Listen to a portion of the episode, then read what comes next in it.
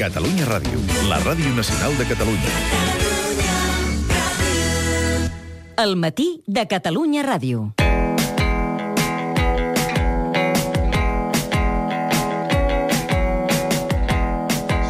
És un quart de nou del matí, encetem la nostra taula de premsa avui amb Carlos Baraibar, Domènec Sobirà, Montse R, Gemma Bonet, Laia Claret, bon dia a tothom. Hola, bon dia. Avui el tema del dia torna a ser Gibraltar, contrasta molt el tractament que li donen els diferents eh, diaris i per això comencem amb un ràpid cop d'ull a les portades on ja hi ha moltes diferències a l'hora d'interpretar doncs, eh, els controls que la Unió Europea farà al penyal, també les negociacions entre Rajoy i Barroso. Comencem amb el punt avui i l'ara, Gemma, que són els més explícits. Doncs sí, efectivament, el punt avui parla de clatallot de la Unió Europea a Rajoy per Gibraltar. I l'ara diu que Europa veu il·legal la taxa a Gibraltar. Per tant, doncs, podríem dir que aquests dos diaris són els que d'alguna manera plantegen eh, aquesta qüestió eh, d'una manera negativa de cara al govern espanyol.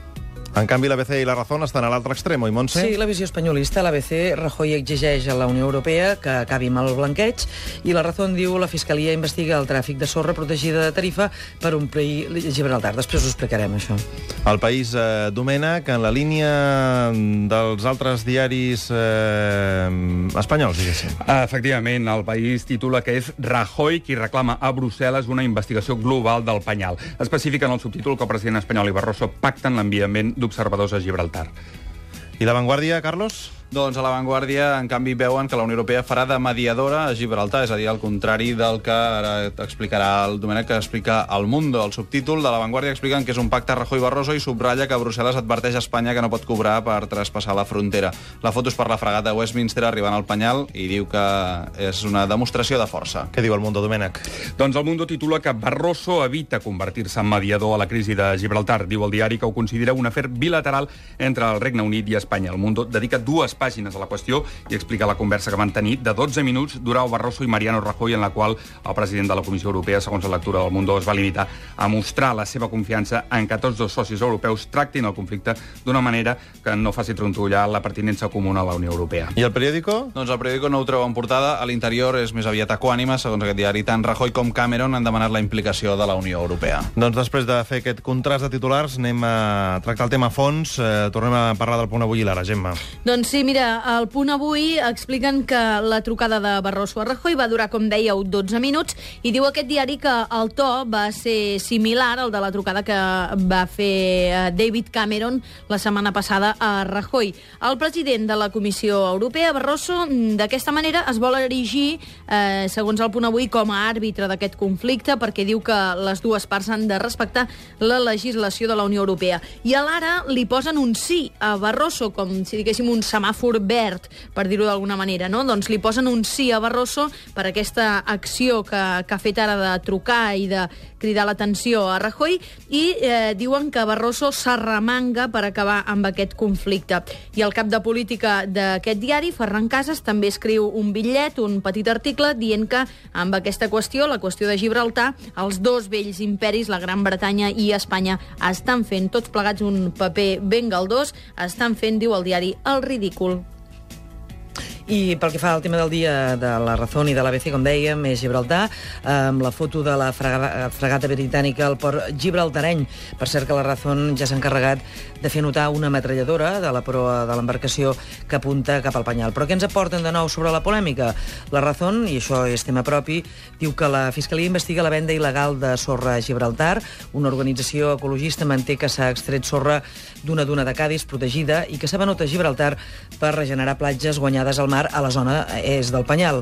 L'ABC no aporta res del que ja hem dit, tret que un dia com avui, però de 1462, es va aixecar l'actual catedral catòlica a Gibraltar. Parla de la figura de Juan Romero de Figueroa i recorda que va fer o que va ser l'únic sacerdot que no es va moure del temple quan al 1704 els anglesos es van quedar amb Gibraltar.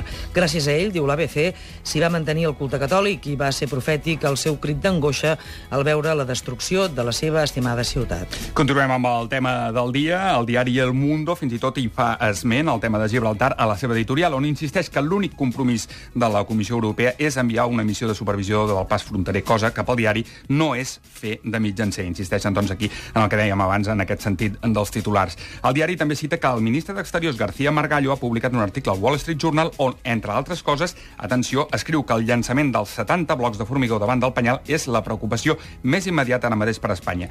De la seva banda, el diari El País destaca que Brussel·les ha rebutjat la proposta espanyola d'aplicar una taxa per l'accés a Gibraltar, però Madrid ho defensa encara dient que seria com un peatge per reduir la congestió de trànsit igual, diu Madrid, que el que té Londres per als accessos a la ciutat. El diari inclou també una fotografia de l'arribada de la fregata britànica Westminster ahir a Gibraltar i insisteix, destaca de forma enfàtica que va passar molt inadvertida, que ningú l'esperava i que no va crear gens d'expectació. Ara encetem els temes propis amb el periòdico que parla d'accidents de moto. Doncs s'hi diu que la majoria de morts en accidents de moto superen els 35 anys. Explica que el perfil de la víctima és un home d'entre 35 i 45 anys que cau o surt de la via amb motos de gran cilindrada.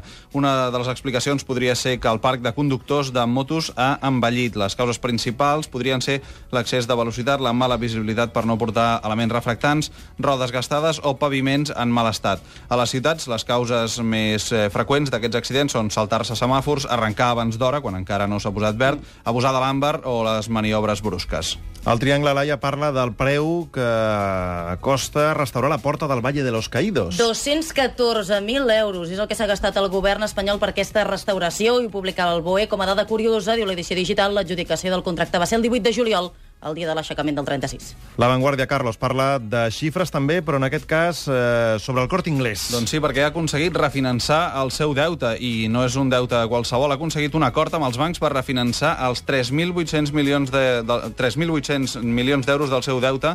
Això és un 76% del total, perquè el seu deute total és de 5.000 milions.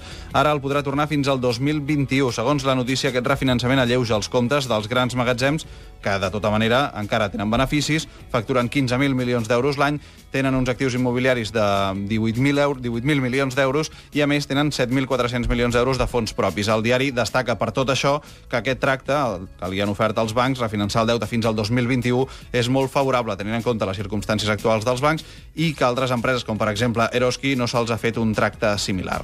Uh, Domènec, el Mundo parla d'un cas del qual ha parlat a fons. Uh, hi ha novetats pel que fa al cas de les factures falses de la UGT. Efectivament, insisteix en aquest tema, les factures falses de la UGT d'Andalusia, que va destapar aquest mateix diari, i de fet és el principal tema de portada avui al, al Mundo, no? amb el titular que la Fiscalia ordena investigar aquestes factures. Avui el diari publica noves factures que evidencien el que el, que el Mundo qualifica de barreja de nyap i frau per part de la UGT andalusa. Un exemple, van demanar eh, que en una factura que s'havia fet per al disseny d'un bus de la vaga del 29 de, set de setembre eh, es canviés i en comptes de posar-hi que era pel bus es posés que era publicitat. I això es va carregar als fons de l'atur. De l'ara, Gemma, vols destacar una entrevista. Sí, efectivament, l'entrevista que fan avui a la contraportada del diari, el fill del prestigiós Santiago de Xeus, eh, el que també és ginecòleg, Damián de Xeus, diu en aquesta entrevista que tècnicament, és el titular, es poden fer moltes coses per ser mare, però no hauríem de jugar a ser Déu. Per tant, doncs, parla de les diverses eh, tècniques eh, de, eh, per, per eh, ser mare, com, com diem d'una manera, eh, doncs, de tècniques eh, diverses de reproducció. També es mostra a favor dels parts medicalitzats en aquesta entrevista, però adverteix que això no vol dir que sigui negatiu ni que el part s'hagi deshumanitzat.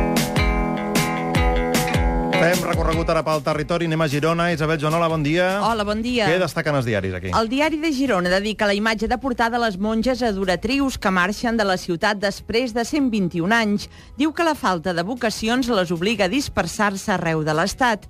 El punt avui, per la seva part, titula Tothom balla les preses. Es refereix al Festival Es Dansa, del qual ja us hem informat, i que comença avui amb 17 companyies de diferents països. A la foto de portada hi veiem una companyia xilena ballant amb els vestits tradicionals. A Tarragona, Carme Casanyes, bon dia. Hola, bon dia. Què hi diuen els diaris? Doncs el diari de Tarragona es fa ressò de la polèmica per la suspensió de la diada castellera de Sant Magí abans d'hora. Després d'evacuar diversos castellers ferits per una caiguda de la colla del Serrallo, les ambulàncies no van tornar a plaça. Segons el diari, l'Ajuntament culpa Santa Tecla de tenir les urgències col·lapsades i l'hospital ho nega. La fotografia del dia la veiem al mes. És l'entrada del patró Sant Magí a la seva capella del Portal del Carro, que clausurava la Festa Major de Tarragona. Roser Parera, bon dia. Bon dia, Marc. Què diuen els diaris a Lleida? Doncs avui el diari Segre dedica la pàgina 3 al fet que l'Ajuntament de Lleida subhasta el cotxe de 40 lleidatans i n'ha embargat 100 més per no pagar les taxes municipals, el doble que l'any passat. El diari La Mañana afirma que hi ha una onada d'agressions a Lleida amb quatre morts violentes des de començament d'any. I acabem amb el Segre que diu que a la comarca de la Segarra hi ha una rebel·lió en contra del trasllat del rector de Sanauja a Ibars d'Urgell. S'han recollit més de 300 firmes. I acabem a la Catalunya central. Què diu el regió Set, Laia? Doncs bones notícies. Explica que l'empresa de documents Docut s'amplia fins a 100 llocs de treball i els crearà a Sallent. Diu que doble les seves previsions inicials de plantilla i ja ha contactat amb 20 persones per possibles contractes. També llegim que el Castell de Focs de Manresa demanarà als assistents ajuda per alimentar els infants. Els organitzadors recolliran donatius econòmics per poder pagar 400 beques menjador íntegrament. Comencem els temes estiuencs a l'avantguàrdia. Avui el seu gran tema del dia parla de les patates chips. Doncs sí, una mena de la conspiració de les patates chips, no? És un tema que, a partir del canvi de la marca de les patates, els xiringuitos del Retiro a Madrid, d'una d'espanyola a una de multinacional, han creat un tema sobre com la indústria dels snacks s'expandeix pel món venent el seu, eh, el seu greix amb més sal o més sucre o el que sigui, no? És una mica com si ac- acabessin d'arribar les patates chips, no?, pel que dona a entendre aquesta notícia, però bé, en tot cas, no deixa de ser interessant. Segons eh, les multinacionals d'aquest sector, ells voldrien fer productes més sants, però és la borsa qui exigeix resultats i, per tant, han de vendre el que genera addicció, que és quanta més eh, química d'aquesta addictiva, doncs millor, no? És recomanable l'article perquè explica com treballen per crear sabors més o menys greixosos, quanta sal hi ha en un paquet de patates, com, que com més cruix la patata, més en volem, es veu que està demostrat científicament. L'escriu Andy Robinson, que explica més que per no afartar-se, li agraden molt les patates, és britànic, és britànic i li agraden molt les de cheese and onion i les de sal i vinagre, doncs diu que per, per no afartar-se'n, el que fa és llepar-les, és a dir, les llepa i així li condeixen més. més. Mare meva. Exacte, i gaudeix més el sabor. Llavors no cruixeixen tant. Exacte, per, no sé com deuen acabar Però els ditets. duren més estona. Sí, Exacte, també les aquest- pot sucar al cafè. Diu sí. que converteix els snacks en slow, en slow food. Del Mundo, Domènec, eh, dos temes a destacar. Comencem amb eh, la lectura tan comentada d'estiu de Mariano Rajoy. Efectivament, el Mundo eh, d'entrada ens posa una fotografia de Mariano Rajoy amb pantalons curts i polo estiuenc amb rivet de bandera espanyola al coll, eh? Ja sabeu, us Sí. imagineu una mica el, el que estic descrivint, no? Passejant pel bosc. Eh, I, efectivament, com deies tu, doncs ja sabíem que Rajoy aquests dies està llegint Victus, ho deia fa uns dies al Faro de Vigo.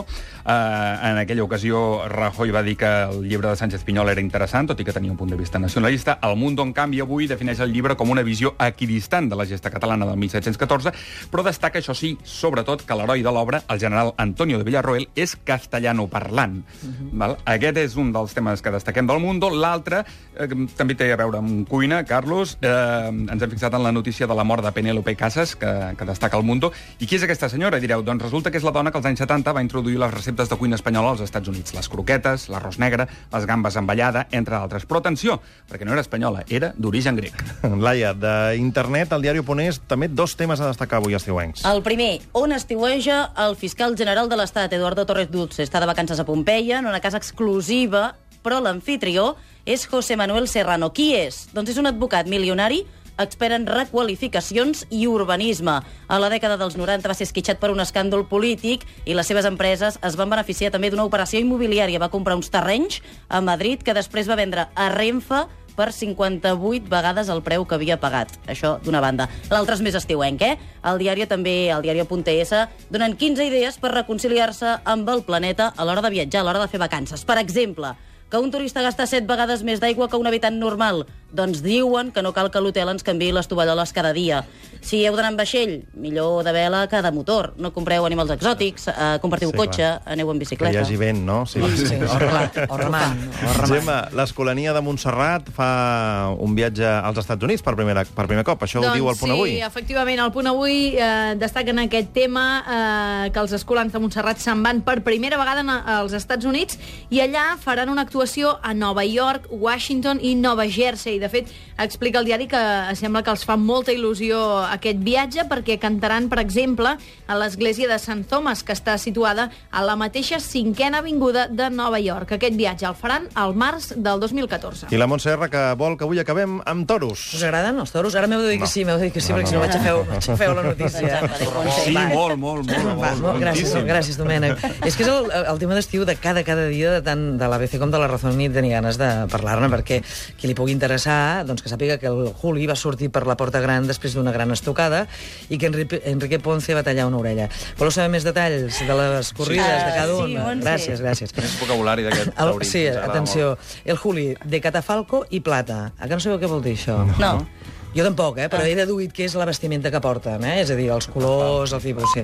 Uh, buena estocada, defecto fulminante, dos orejas, pinchazo, estocada trasera... Saludos. Enrique Ponce, de celeste y oro, eh, media estocada baja, dos descabellos, dos descabellos, silencio, estocada desprendida, aviso, entre parèntesi, oreja. Bé, ja sabeu. doncs eh, saludos també per vosaltres. Gràcies per la taula de premsa d'avui. Fins ara. Són dos quarts de nou. Eh, fem una pausa i comencem la tertúlia d'avui.